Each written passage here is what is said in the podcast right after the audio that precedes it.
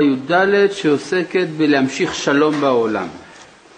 חלק מהמשכת השלום בעולם, כלומר, אולי נחזור לפסקה א' ככה בקצרה, להמשיך שלום בעולם צריך להעלות כבוד הקדוש ברוך הוא לשורשו היינו ליראה. כלומר, אנחנו מכירים את כבוד השם, כבוד השם זה דבר גדול, אבל בתוך הכבוד מסתתרת נקודה פנימית יותר והיא נקודת היראה. צריך אדם להגיע ליראת השם מתוך הכבוד. האמת היא שהכבוד והיראה הם אותו הדבר, אלא שבאופן חיצוני הכבוד מופיע כמשהו שמרחיק, בעוד שהיראה היא דווקא מה שמקרב. אף על פי שבציור העממי היראה נחשבת לדבר שיש, גם, שיש בו גם כן מן הריחוק, אבל, אבל לפי מה שלמדנו בשיעורים הקודמים, ראינו כיצד היראה יש בה מימד של קירוב.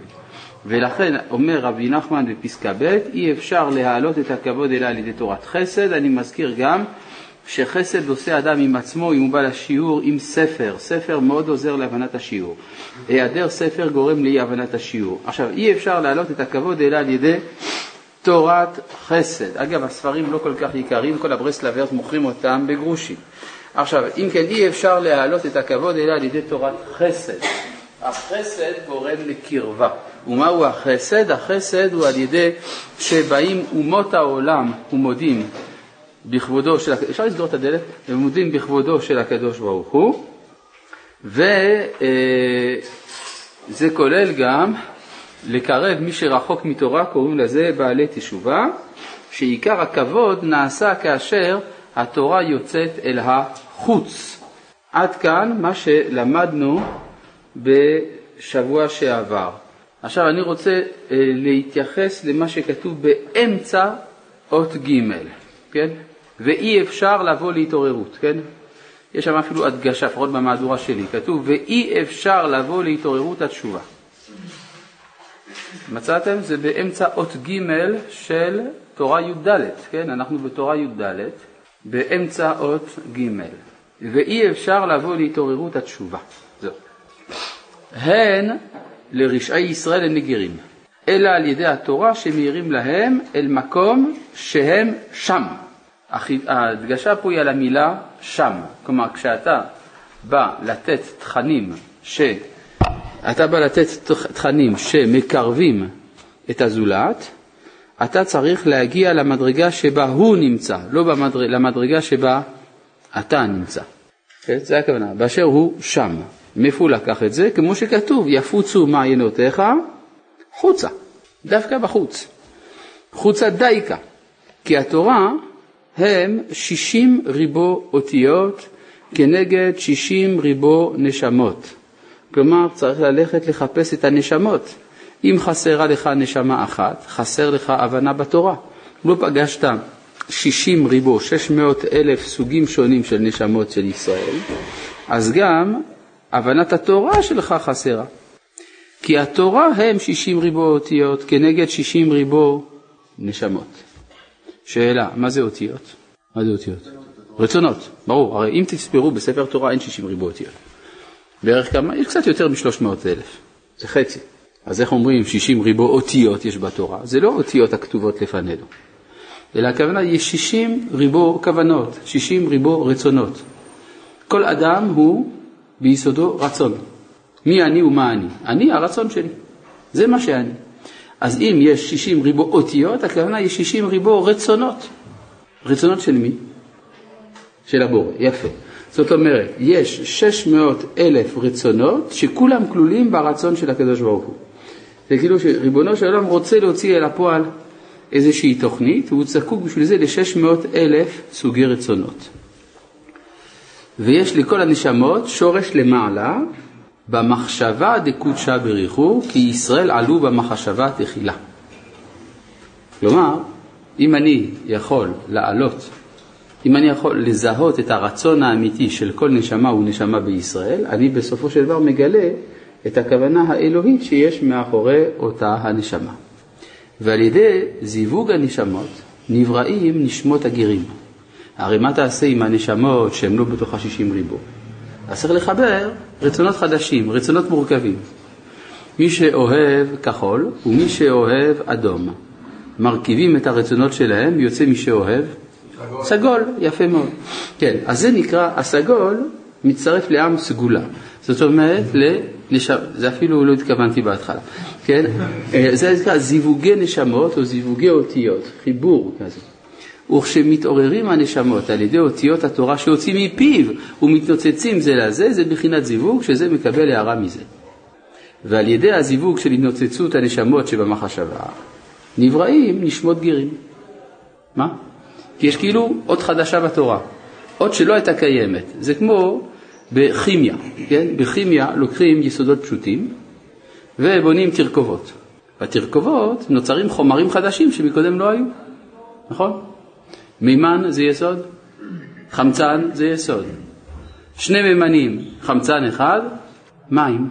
מים זה לא יסוד, אבל הוא מורכב מיסודות שהיו, ועכשיו נוצרת יצירה חדשה, H2O, נכון? גם זה לגבי נשמות גרים, קל וחומר, יותר קל, נשמות פושעי ישראל. הרי פושע ישראל, יש לו יתרון על הגר. מה היתרון שלו? הוא כבר בפנים, רק הוא התרחק מהמרכז. אז מקרבים אותו אל המרכז, זה יותר קל. גם פושעי ישראל, כל זמן ששם ישראל נקרא עליו, אף על פי שחטא ישראל הוא, יש לו אחיזה ושורש במחשבה העליונה.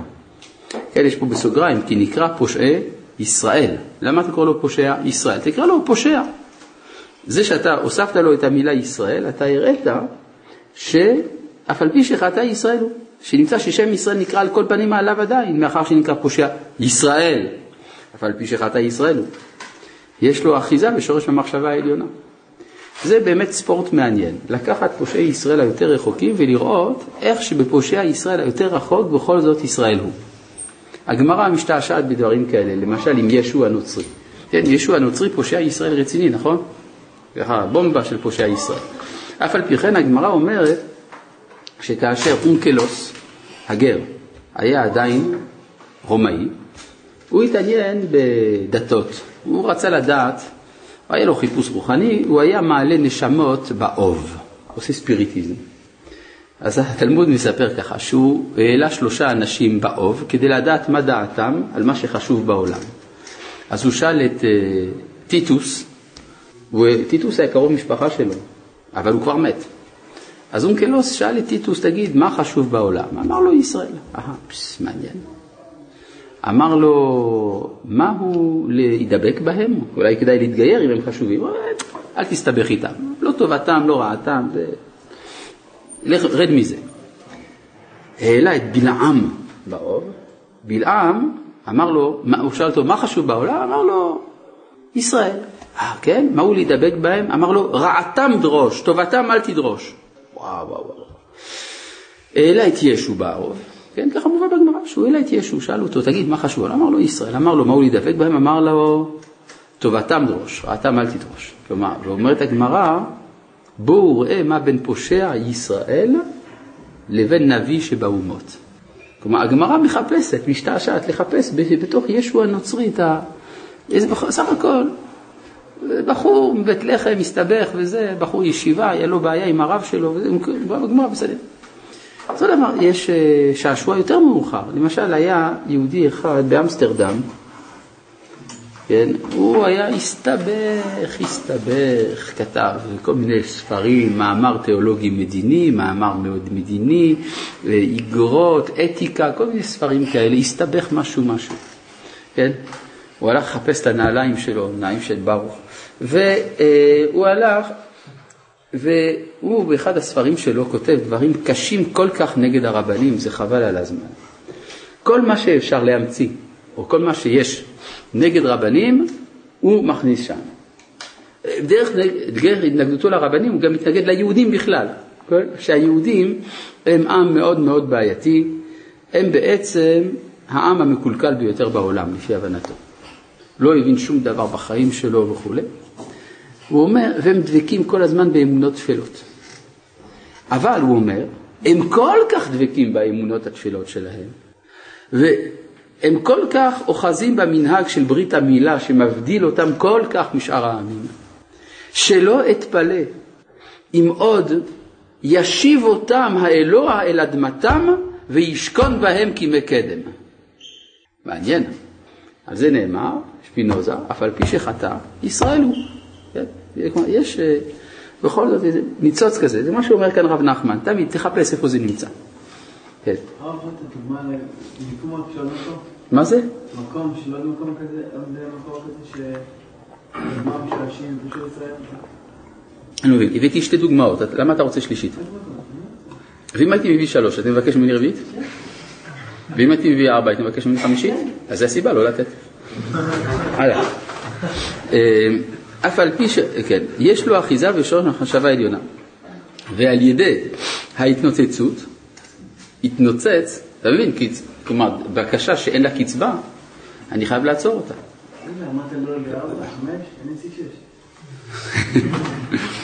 כלומר, זה סדרה, כן. ועל ידי ההתנוצצות, התנוצץ גם שורש נשמתו בין שאר השורשים.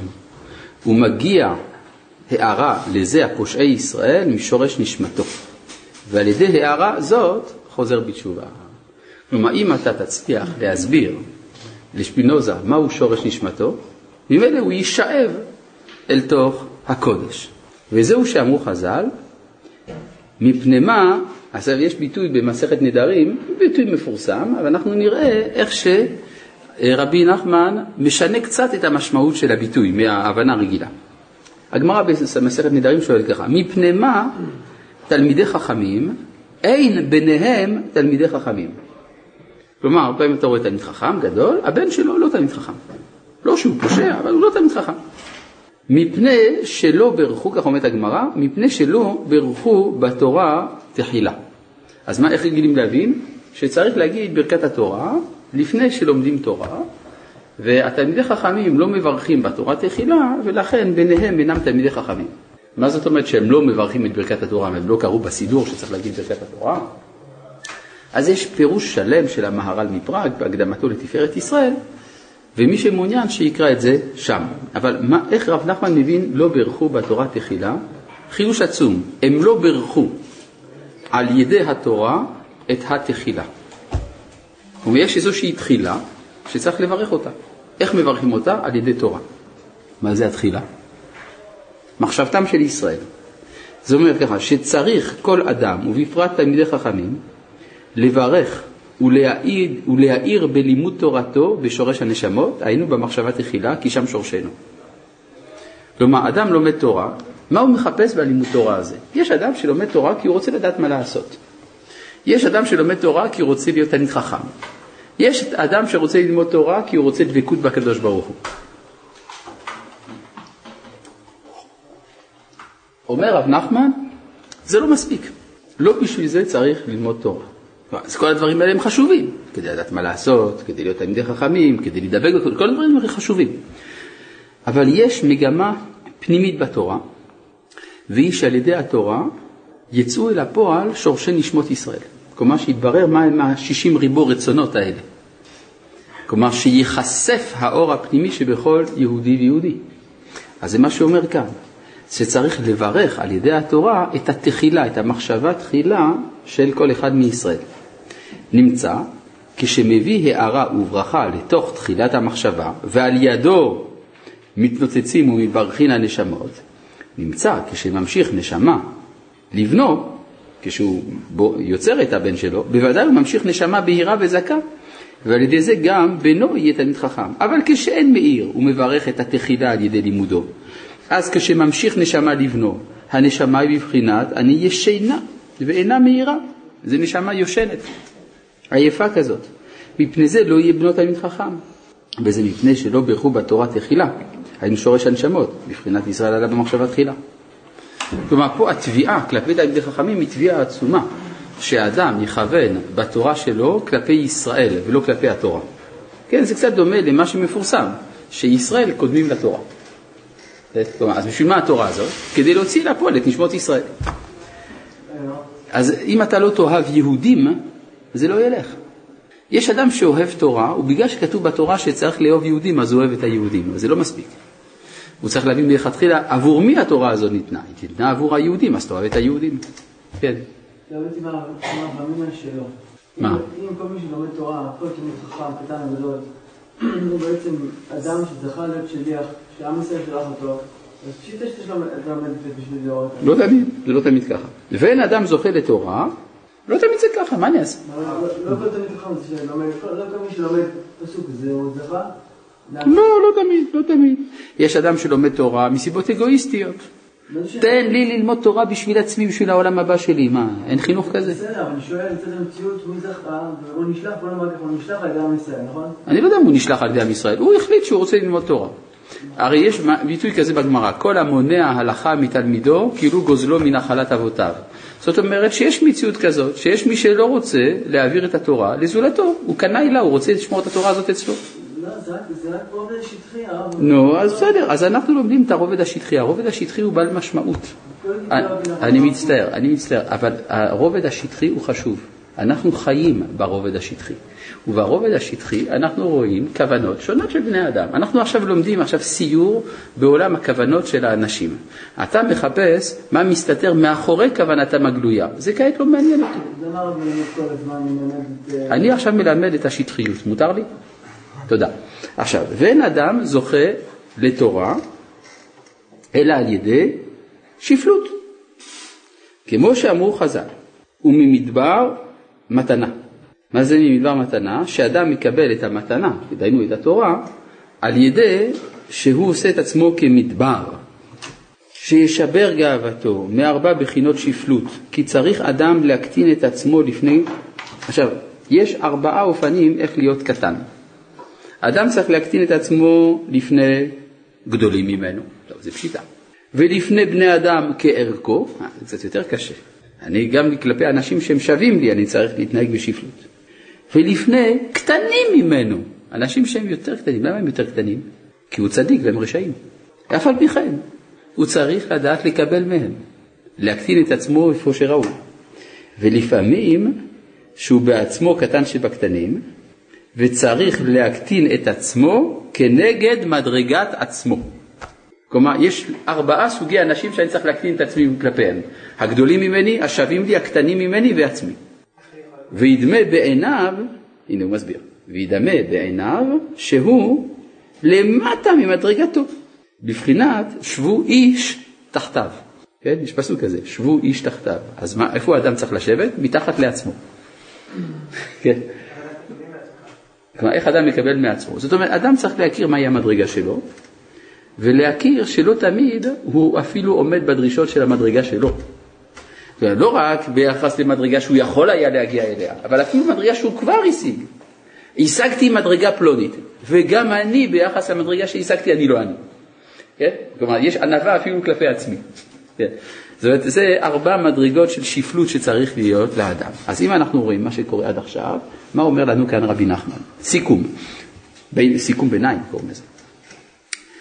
צריך להעלות את הכבוד, כדי להמשיך שלום בעולם, צריך להעלות את הכבוד לשורשו, דהיינו ליראה, ואין יראה אלא על ידי תורת חסד, ואין תורת חסד אלא על ידי שמלמדים אותה, ועל ידי שיבואו גרים ופושעי ישראל הרחוקים להתקרב אל הקדושה, וזה אפשרי רק על ידי תורה כזאת שחושפת את שורש הנשמות של בני ישראל, דהיינו 60, סליחה, 60 ריבוע אותיות או אותיות חדשות שנעשות מזיווגי אותיות, ומי שלא עושה כן, אין בניו יוצאים תלמידי חכמים, בגלל שהוא לא כיוון אל שורשי הנשמות, ואי אפשר לזכות לתורה כזאת אלא על ידי שפלות בארבעה אופני שפלות. פשוט, כל מה שלמדנו עד עכשיו. כן. כן. הרב יכול להסביר באיזה רצונות מדובר? ויש את הרצון של השם שזה התורה והמצוות, שזה משהו כללי. מה- הכוונה? הרצון של השם זה, איך לומר ככה, בוא ניתן לך משל. משל למה הדבר דומה. מישהו שהחליט שהוא רוצה לבנות בית. זה רצון אחד. שואלים אותה, מה אתה רוצה? אני רוצה לבנות בית. אבל אם תבדוק, הרצון הזה מתפרט הרבה הרבה הרבה.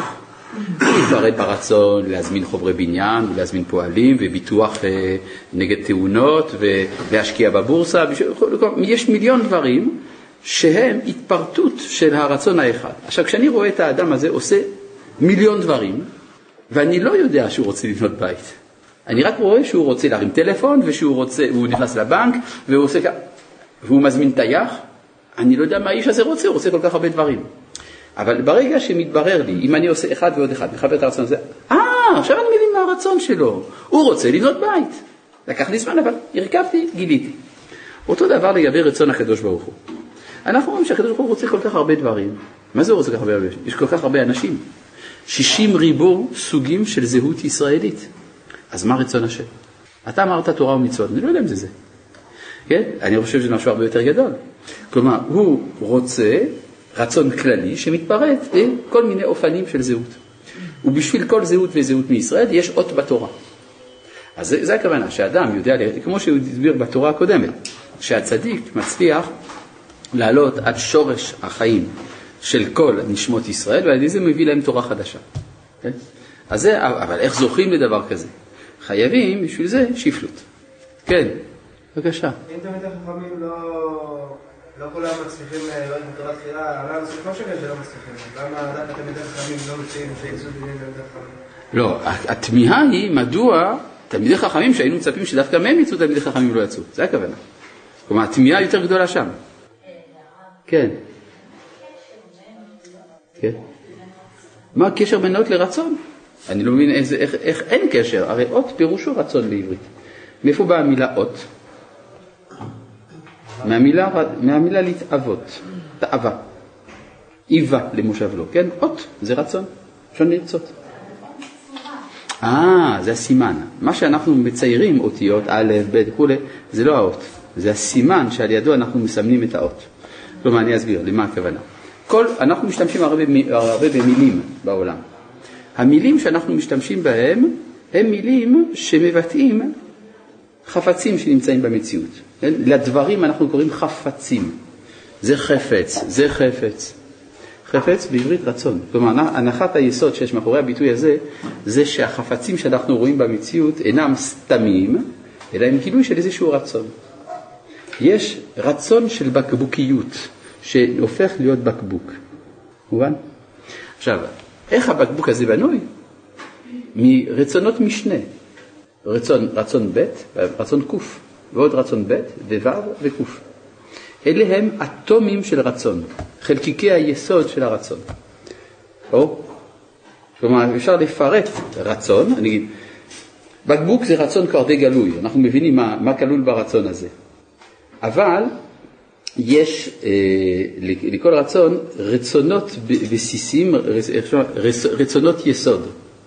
אותם אנחנו קוראים א', ב', ג', ד'. זה נכון. לא אלא זה הרצון שבאלף, יפה. יש על זה ספר יפה מאוד שכתב הרב קוק כדי להסביר מהו הרצון של קולות. קוראים לזה רש מילים. כן, אז הוא מסביר איך, מה זה הרצון הנקרא א', מה זה הרצון הנקרא ב', מה זה הרצון הנקרא ג'. עכשיו, יש גם זיווגי הרצונות.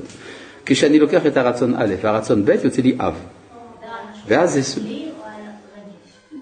זה משהו אינטואיטיבי, אבל זה מאוד מובן. כלומר, כשקוראים את, הספר אה, רש מילים, מבינים מה הוא רוצה. בוודאי, אני מפנה לספר, כי אני לא יכול לעשות הכל, מה אני אעשה? אני עכשיו רוצה ללמד רב נחמן. כן, בבקשה. מישהו רוצה שאני אלמד פנימיות, אני רוצה ללמד שטחיות, מישהו רוצה את הספר, אני לא, אני מפנה רק לספר, זה מה לעשות, כן, מה? אני חושב על התשובה של הגמרא. הגמרא אומרת שכיוון שהיינו מכוונים בתורה תפילה, לכן לא יוצא להם. נכון. כולנו מכוונים את זה, לא רק תלמידי חכמים. כולם מה? כולנו מכוונים את זה. לכן, לכן לא יוצאים תלמידי חכמים. אז לכן, כשיש בכל זאת תלמיד חכם, איך זה בא? זה נס. לא, זה באמת, אני לא צוחק. תלמיד חכם זה נס. כי הרי הטבע איננו מאפשר תלמידי חכמים. כי, כי, כי התלמיד חכם זה מי שנמצאת בו התורה, והתורה היא לא מהעולם הזה. התורה זה משהו נבדל, כמו שאומר המהר"ל.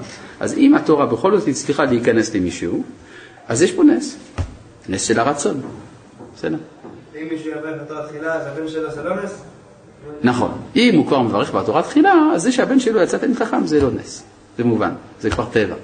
כן, זה כמו שאמרו בזמנו, איך נכבשה צפת בתש"ח, בדרכי הטבע ובדרכי הנס. דרכי הטבע שאמרו תהילים, דרכי הנס שהגיע הפלמ"ח. כן, כן בבקשה.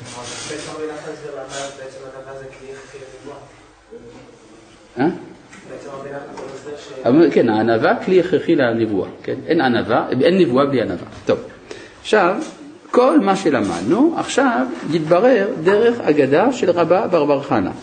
וזה שאמר רבה ברבר חנה, לדידי, חזי לי אורזילה בת יומא, בר יומא. כלומר, אני ראיתי ראם בן יום אחד, כן? ראם זה חיה גדולה. כן? יש היום, אומרים שזאת חיה שנעלמה מן ה... כלומר נכחדה לפני כ-200 שנה בערך. עדיין היו במדבר ערב הסעודית, היו עדיין ראמים. החיה הזאת כנראה נעלמה, לא לגמרי בטוח, אולי יש עדיין פה ושם. על כל פנים, הראם האגדי זה לא ראם כמו שהיה לפני 200 שנה, זה איזה מין יצור אה, מפחיד, כזה גדול כמו הר, כן? אז מה הוא אומר כאן? ראיתי אורזילה בר יומא, ראם בן יום אחד. ואיך הוא היה נראה? דהווה כהר תבור, הוא היה גדול כמו הר תבור. הייתם פעם בהר תבור? כן. מה? אתה לא נוסע לצפון אף פעם? בקיצור, זה, זה, זה, זה חתיכת משהו, הר תבור. והר תבור, כמה הווה, כמה הוא? ארבעה פרסה, ארבעה פרסאות. מה זה פרסה? ארבעה קילומטרים, אז משהו 16 קילומטר היקף ככה, האורזילה הזה. ובמשחא דצווארית לתא פרסה, כלומר, המקום של ה... של העור של הצוואר שלו שלוש פרסאות, רק 12 קילומטר. טוב. ובמרבעתא דרישא פרסה ופלגה, מקום שבו הוא מניח את הראש, כן, כשהוא מניח את הראש כדי לנוח קצת, אז הוא יוצר איזה מקום כזה בגודל של פרסה וחצי, שזה שישה קילומטרים, ורמה כופתא וסחרה לירדנה. הוא הטיל רעי, כלומר הפרשה, וזה חסם את הירדן. מעניין, אה? טוב. אז מסביר לך רבי נחמן שכל זה משלים. אורזילה בר יומא היינו בחינת כבוד שהוא בגויים בזילותא. כן, הרי הוא הסביר לפני כן שהכאב הגדול זה שבינתיים כבוד השם לא נמצא בעולם, אלא אצל מי נמצא הכבוד? אצל הגויים. זה נקרא אור זילה. אור היינו בחינת כבוד. כמו שכתוב, והארץ האירה מכבודו. ולמה נקרא בר יומא? כי זה אור שמזלזלים בו, כן? אור זילה. למה נקרא בר יומא? כי לא יתגלה הכבוד, אלא בביאת משיחנו. וביאת המשיח זה נקרא יום. איך אני יודע? כתיב באימתי יבוא מר, אמר לו היום, היום אם בקולו תשמע.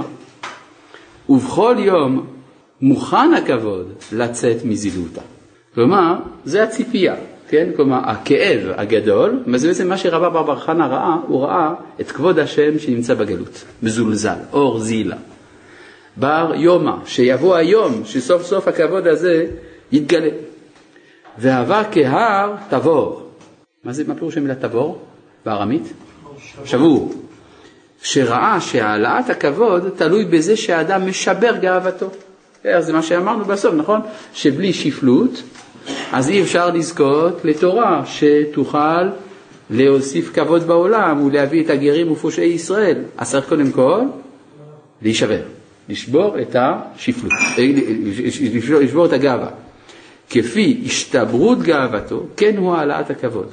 כל זמן שאדם מחשיב את עצמו, אז אין פה כבוד השם, יש כבוד עצמו. כי כבודו נתעלה על ידי התורה כנ"ל, ואין אדם זוכה לתורה אלא על ידי שפלות, כמו שאמרו חז"ל, וממדבר מתנה. כלומר, על ידי שאדם עושה את עצמו כמדבר, אז הוא זוכה למתנה.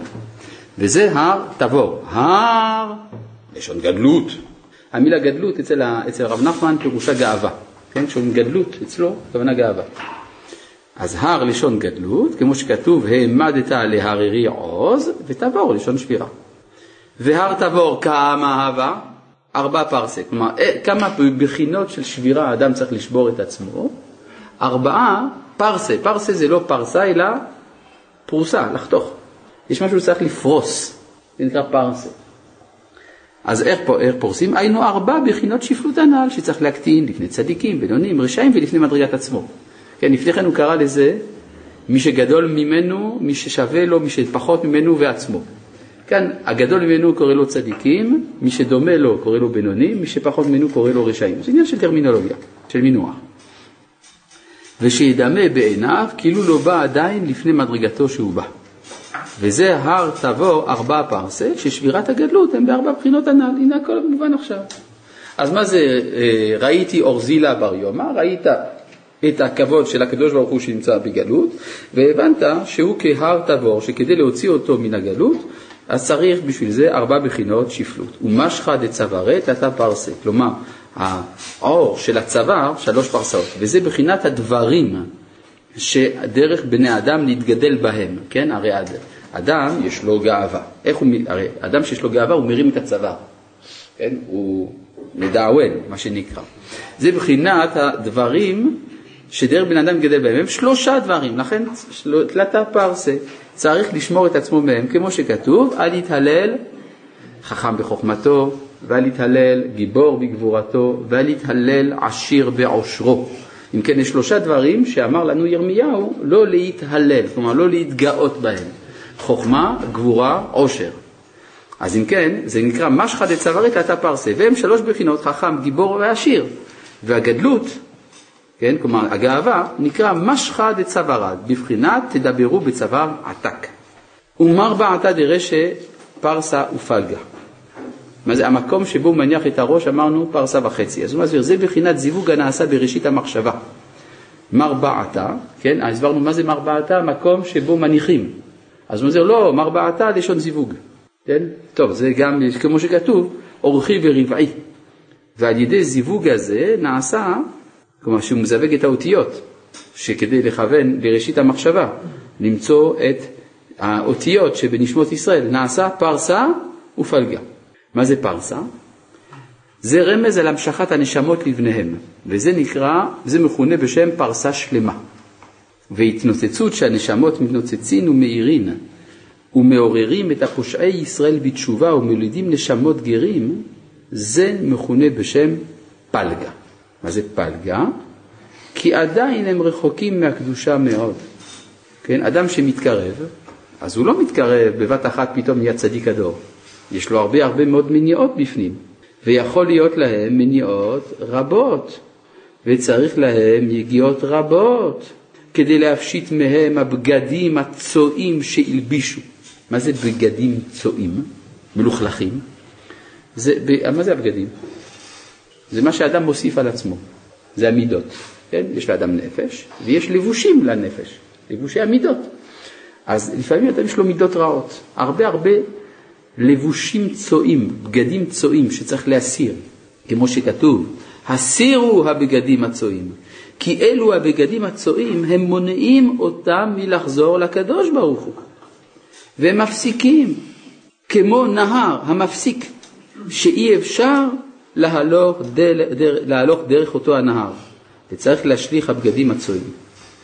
כלומר, נכון, הצדיק במחשבה שלו כיוון בזיווגי אותיות אל הרצונות של פושעי ישראל, והוא יצר עכשיו נשמות חדשות, אבל בדרך יש כל מיני עיכובים. הרבה פעמים אדם מרגיש את זה, כשאדם רוצה להתעלות בקדושה, דווקא בשעת ההתעלות באים כל המניעות.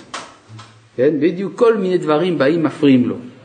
וזה רמה כופתא וסחרא לירדנה, כן? שהוא הטיל ראי ועל ידי זה סתם את הירדן. מה זאת אומרת?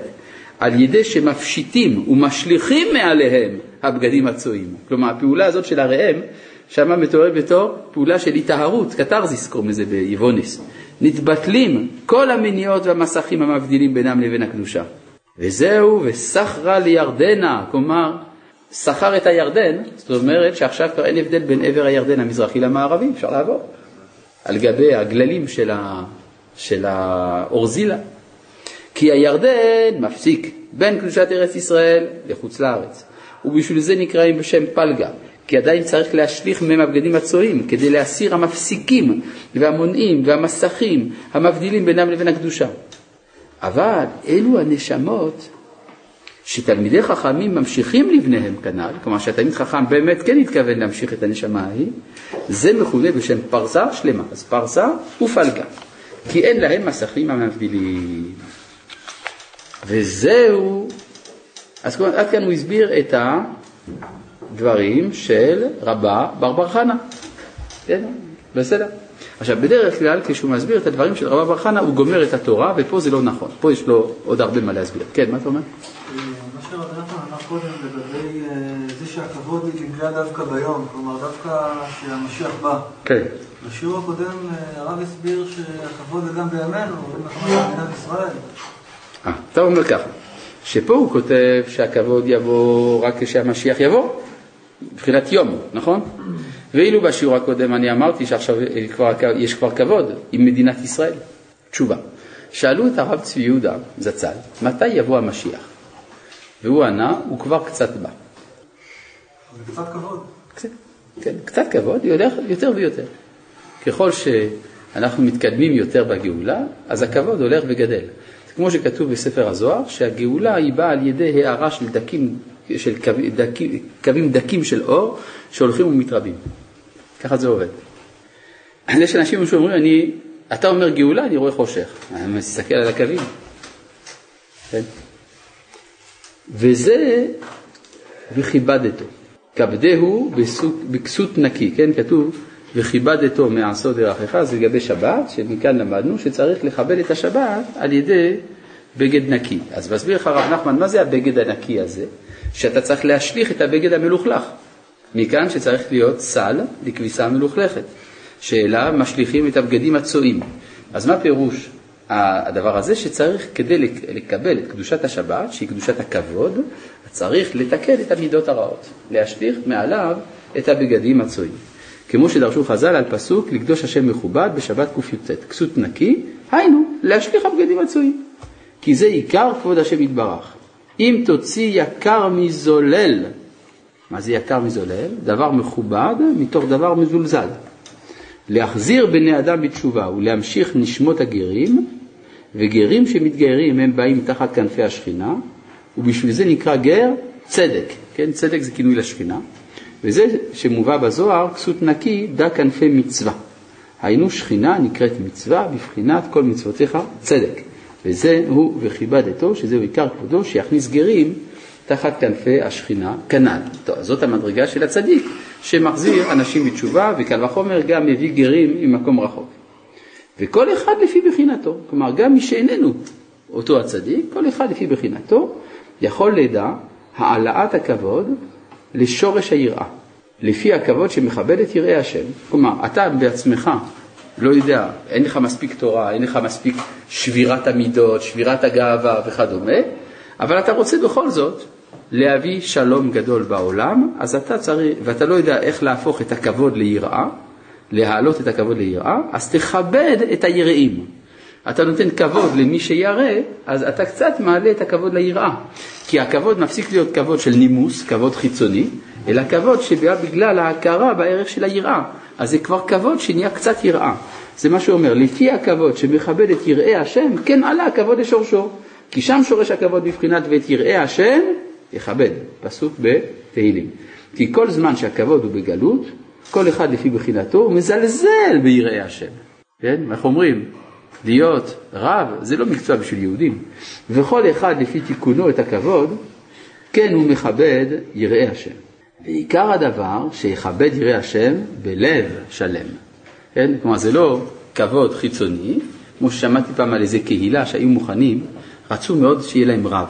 אני לא אגיד לכם באיזה מדינה זה היה, אבל היה איזה קהילה שמאוד מאוד רצו רב, והם היו מוכנים לתת לו משכורת טובה, דירה, רכב ועוד כל מיני דברים טובים וחשובים, והדבר היחיד שהם דרשו ממנו זה שהוא ילבש כובע צילינדר. כל השאר לא היה חשוב. תלמיד חכם, צדיק, אה, מלומד, לא מלומד, לא משנה בכלל, העיקר שיהיה לו כובע צילינדר. כן? אז זה נקרא שמכבדים יראי השם, אבל זה לא כבוד בלב שלם, אלא זה מצד מש... המעמד של אותה קהילה שהייתה צריכה שלרב יהיה כובע צילינדר. מה כובע צילינדר? כובע צילינדר זה כובע משונה כזה שהיה פעם מצוי, שיש לו צורה של גליל, כן? גליל כזה מוארך, כן? אז זה נקרא כובע צילינדר. אפשר לשים שם שפן אפילו, דברים כאלה. כן.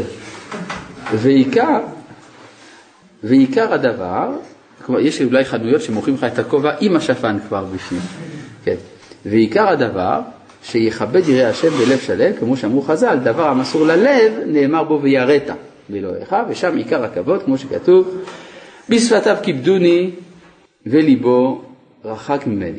כשמחזיר הכבוד לשורשו, היינו ליראה כנ"ל, ואז נשלם פגמי היראה. כי היראה, יש לה, יש לה גם כן פגמים, ואז זוכה לשלום. כן? כל מה שחיפשנו מתחילת תורה י"ד, הנה, סוף סוף אנחנו מגיעים לשלום. אבל מה זה שלום? שלום הכוונה שיש השלמה. בואו נראה באיזה אופן. ויש שני מיני שלום. עכשיו נכנסים לשפיץ, כן? חשבנו, זהו, אתה זוכה, רוצה לזכות לשלום, צריך להחזיר את הכבוד לשורשו, דהיינו ליראה. בסדר, אבל עכשיו אני זוכה לשלום. אבל איזה שלום? שני סוגי שלום. יש שלום בעצמיו.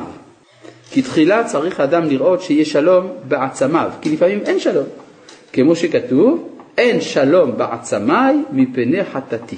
אז כלומר, הוא לא שלם עם עצמו. אז מה זה יעזור שהוא יהיה שלם עם אחרים? הוא לא יכול להיות שלם עם אחרים. הוא צריך קודם כל להשלים עם עצמו, לעשות שלום בתוך עצמו. לעשות שלום בתוך עצמו זה שאדם הסכים שיש לו חסרונות. זה לא כך פשוט. יש הרבה אנשים אומרים, אני, יש לי חסרונות אבל אני לא מראה אותם, אני הכי חזק בעולם, כולם רואים איך שאני חזק, כן? זה לא נכון, אז אין שלום בעצמיו. האדם השלם הוא אדם שעשה שלום גם עם החסרונות שלו. צריך לתקן את עצמו, אבל הוא צריך קודם כל להכיר במצבו. כלומר, יש אדם ש... אני זוכר לפני הרבה שנים, מישהו אמר לי שהחיים שלו הם אה, אסון. אמרתי לו, מדוע? אמר, אתה יודע למה? אה, כי אני לא הרב מרדכי אליהו. אז אמרתי לו, אולי החיים של הרב מרדכי אליהו הם אסון, כי הוא לא אתה. כן, יש, אתה צריך לדעת קודם כל מי הוא, לא מי השני. איך אמר אה, רבי מקוצק, אם אני אני בגלל שאתה אתה, ואתה אתה בגלל שאני אני, אז אני לא אני ואתה לא אתה. למה זה לא נכון?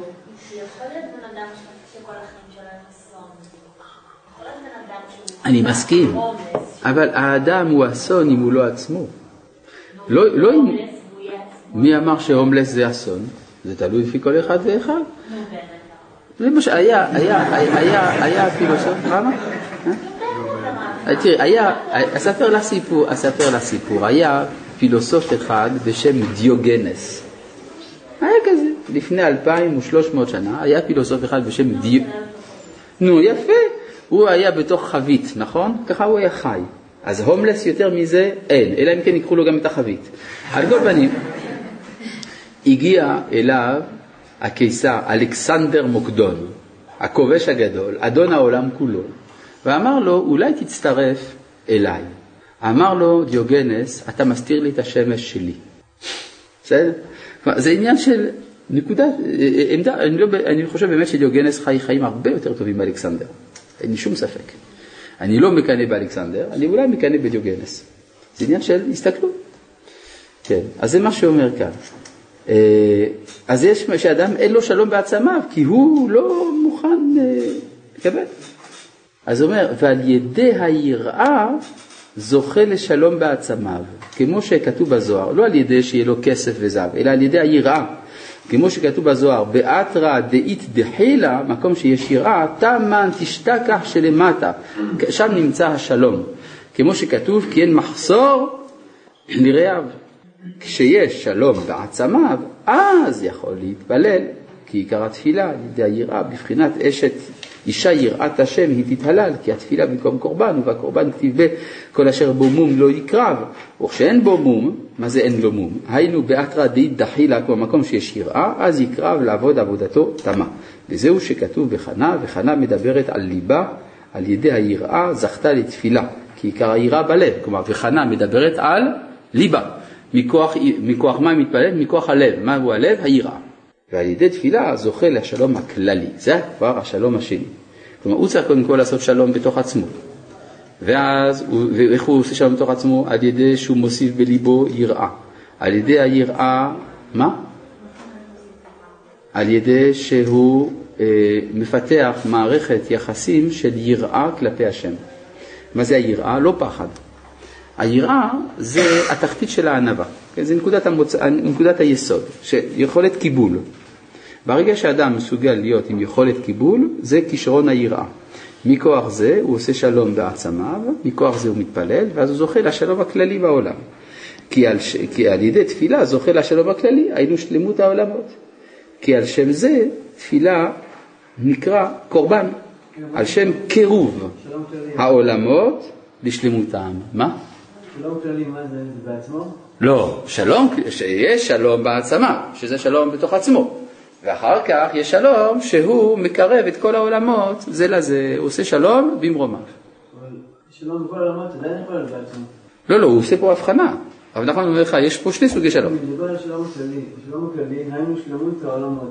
זה עדיין יכול להיות בעצמו. למה זה יכול להיות בעצמו? זה בעולמות. העולמות זה לא עצמו. זה עצמו להביע. לא, זה לא עצמו, אני לא מבין. רגע, אני מניח שרב נחמן הוא מאמין במה שהוא אומר. הוא אומר שיש שני סוגי שלום, יש עצמו ויש העולמות. ככה הוא אומר. מה הוא- זה העולמות? העולמות זה כללות המציאות, זה לא רק הוא. זה, זה, זה, זה כל ההוויה כולה. גם העולמות שהקבלה מדברת עליהם, גם בכלל אה, מרחבים מנטליים שמחוץ לו. עשה מצווה אחת, אה, בדיוק, אדם עושה מצווה, זה מתקן כל העולם. כן, בוא. וזהו שאמר רבא בר בר חנה. עכשיו הוא מביא לנו עוד אגדה של רבא בר בר חנה. היום אנחנו מפונקים, שתי אגדות של רבא בר בר חנה. אמר לי ההוא תיעה, אמר לי אותו בדואי, כן, תיעה זה בדואי, זה ישמעאלי, סוחר ישמעאלי, כן? מה? מה הבעיה? אז הוא מספר מה שבדואי סיפר לו.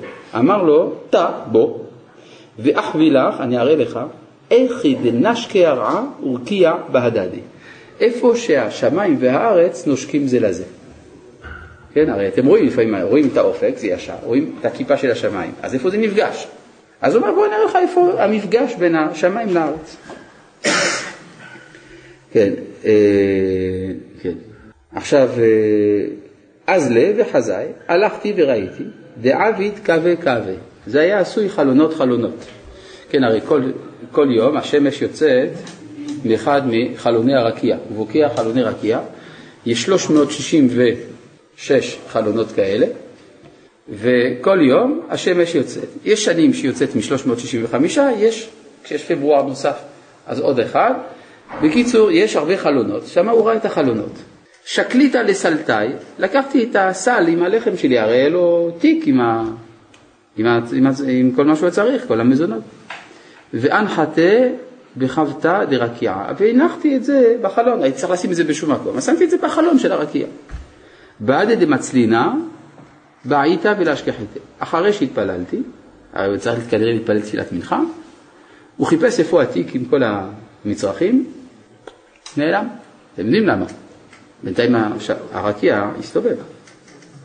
אמרי איכא גנבך, אמרתי וואי, יש גנבים כאן? אמר לי, לא, זה לא, אל תדאג, זה לא שיש גנבים, גלגלה דרקיעה ודהדר, כלומר זה הג- הגלגל של הרקיע ש- שחוזר, נתר עד למחר כי השטר, משכח לה, תחזור מחר באותה שעה, תמצא את זה. כן, בינתיים הרקיע יחזיר לך את זה. סיפור יפה, לא? טוב. זה הסיפורים של הנסיך הקטן, פראייר ליד זה. טוב. אז מה זה, עכשיו מסביר לנו. מה זה דנשקי הרע ורקיעה? שמה זה שהשמיים והארץ נושקים זה לזה? זה בחינת שלום בעצמיו. כי הרעה, מה שאומרים ארץ, זה בחינת גוף, רקיעה זה בחינת נשמה, כמו שכתוב יקרא אל השמיים מעל זה הנשמה, אומרת הגמרא בסנהדרית, ואל הארץ זה הגוף, וכשיש ביניהם שלום. כן, זה כיוון שעזרו לו, הראו לו שאפשר לעשות שלום בין הנשמה לבין הגוף. יש אנשים שכל החיים שלהם הם במלחמה בין הנשמה שלהם לבין הגוף שלהם, הם לא תמיד מאמינים שאפשר, שאפשר לעשות שלום. אז בא והוא מראה לו, הנה אני מראה לך, אפשר לעשות שלום בין הנשמה לגוף. על ידי זה אבידי קווה, ואז הוא ראה את החלונות. מה זה חלונות? תפילה. על ידי זה נעשה תפילה, אמרנו הרי רק אם יש שלום בעצמה הוא יכול להתפלל. אז כיוון שהגיע למקום שבו נושקים שמיים וארץ, היינו שעשה שלום בעצמיו, על ידי זה יכול היה להתפלל, נפתחו חלונות הרקיע, בבחינת וחבין פיתיחין לוי העליתה, כמו שכתוב לגבי דניאל, שהחלונות היו פתוחים בעלייתו לכיוון ירושלים, שם היה מתפלל. ושקלי דסלתאי ואנחה בקברה דרקיע, ולקחתי את הסל שלי ושמתי אותו אה, בחלונות של הרקיע, מה זה הסלטה? הסל הזה זה פרנסה, זה מובן, זה התיק עם המצרכים, זה הפרנסה, כן? כמו מי שיש לו פת בסלו, היינו שלא רצה לעסוק בשום עסק מעסקי עולם הזה רק בשביל נשמתו, נהיה פתאום צדיק כזה, אדם התמסר לתפילה, כל כך התמסר לתפילה, אמרת עזבו אותי פרנסה, אני עכשיו לא רוצה להתפרנס, אני רוצה להתפלל. אה, נו, ומה עם הפרנסה שלו? הלכה, נכון? זה כוונה שפתאום הוא חיפש איפה הסל, לא נמצא. כן? גם כל תפילותיו לא היו אלא בשביל לקשר נשמתו, הוא לא התפלל על הפרנסה שלו, הוא התפלל בשביל דבקות. אפילו אלו התפילות המפורשים בתפילה שהם לצורך הגוף, הרי בתפילה, מה כתוב בסידור? רפאנו, ברכנו, כל מיני דברים כאלה. כגון רפאנו, ברך עלינו, שאר צורכי הגוף. לא היה כוונתו של רבא בר חנא בשביל גופו, אלא בשביל נשמתו, שהמכוון לפרנסת נשמתו ולהביא לרפואתה. וזה שקלית, סלטאי ואנחה בקרבתא דרקיע, ששקל לתפילה שהוא לצורך הגוף, ואנחה בתפילה הכל לצורך נשמתו. כי ממילא, כשנתקן שם ברוחניות, נתקן גם בגשמיות. כלומר, הוא מאמין כזה. נתחיל. קודם כל, ריבונו של עולם, נדבר איתו על רוחניות, ואחר כך העניינים הגשמיים יסתדרו. ועד אמצלינא בעות אל אשכחה, היינו אחר כך לא מצא כדי פרנסתו. כן? וואו, זה משבר גדול של המאמין. הוא אומר, אני אמרתי לקדוש ברוך הוא, אני סומך עליך ריבונו של עולם, פתאום אני חוזר לעולם הזה, רואה אין כלום. אף על פי שתיקן ברוחניות, אף על פי כן לא נמשך לו שפע בגשמיות. אמר איכא גנבה אחם, אמר אם כן שיש גונבים את השפע שלי. הוא חשב אולי, באמת, יש מישהו שמתגבר עליי מבחינה רוחנית. השיב לו גלגלה דרכיה דהדרא, היינו גלגולים דנשמתים. כלומר, יש נשמות שמגלגלות. היא הגורמת שאין לצדיק כדי פרנסתו. כי יש כמה אנשים, כמה נשמות שתלויות בו. כמו שכתוב לגבי רבי פדת, אי בעידי רוב עלמא ואפשר דעברית בשעתה דמזונה. וזה קינים תעשה לטבע.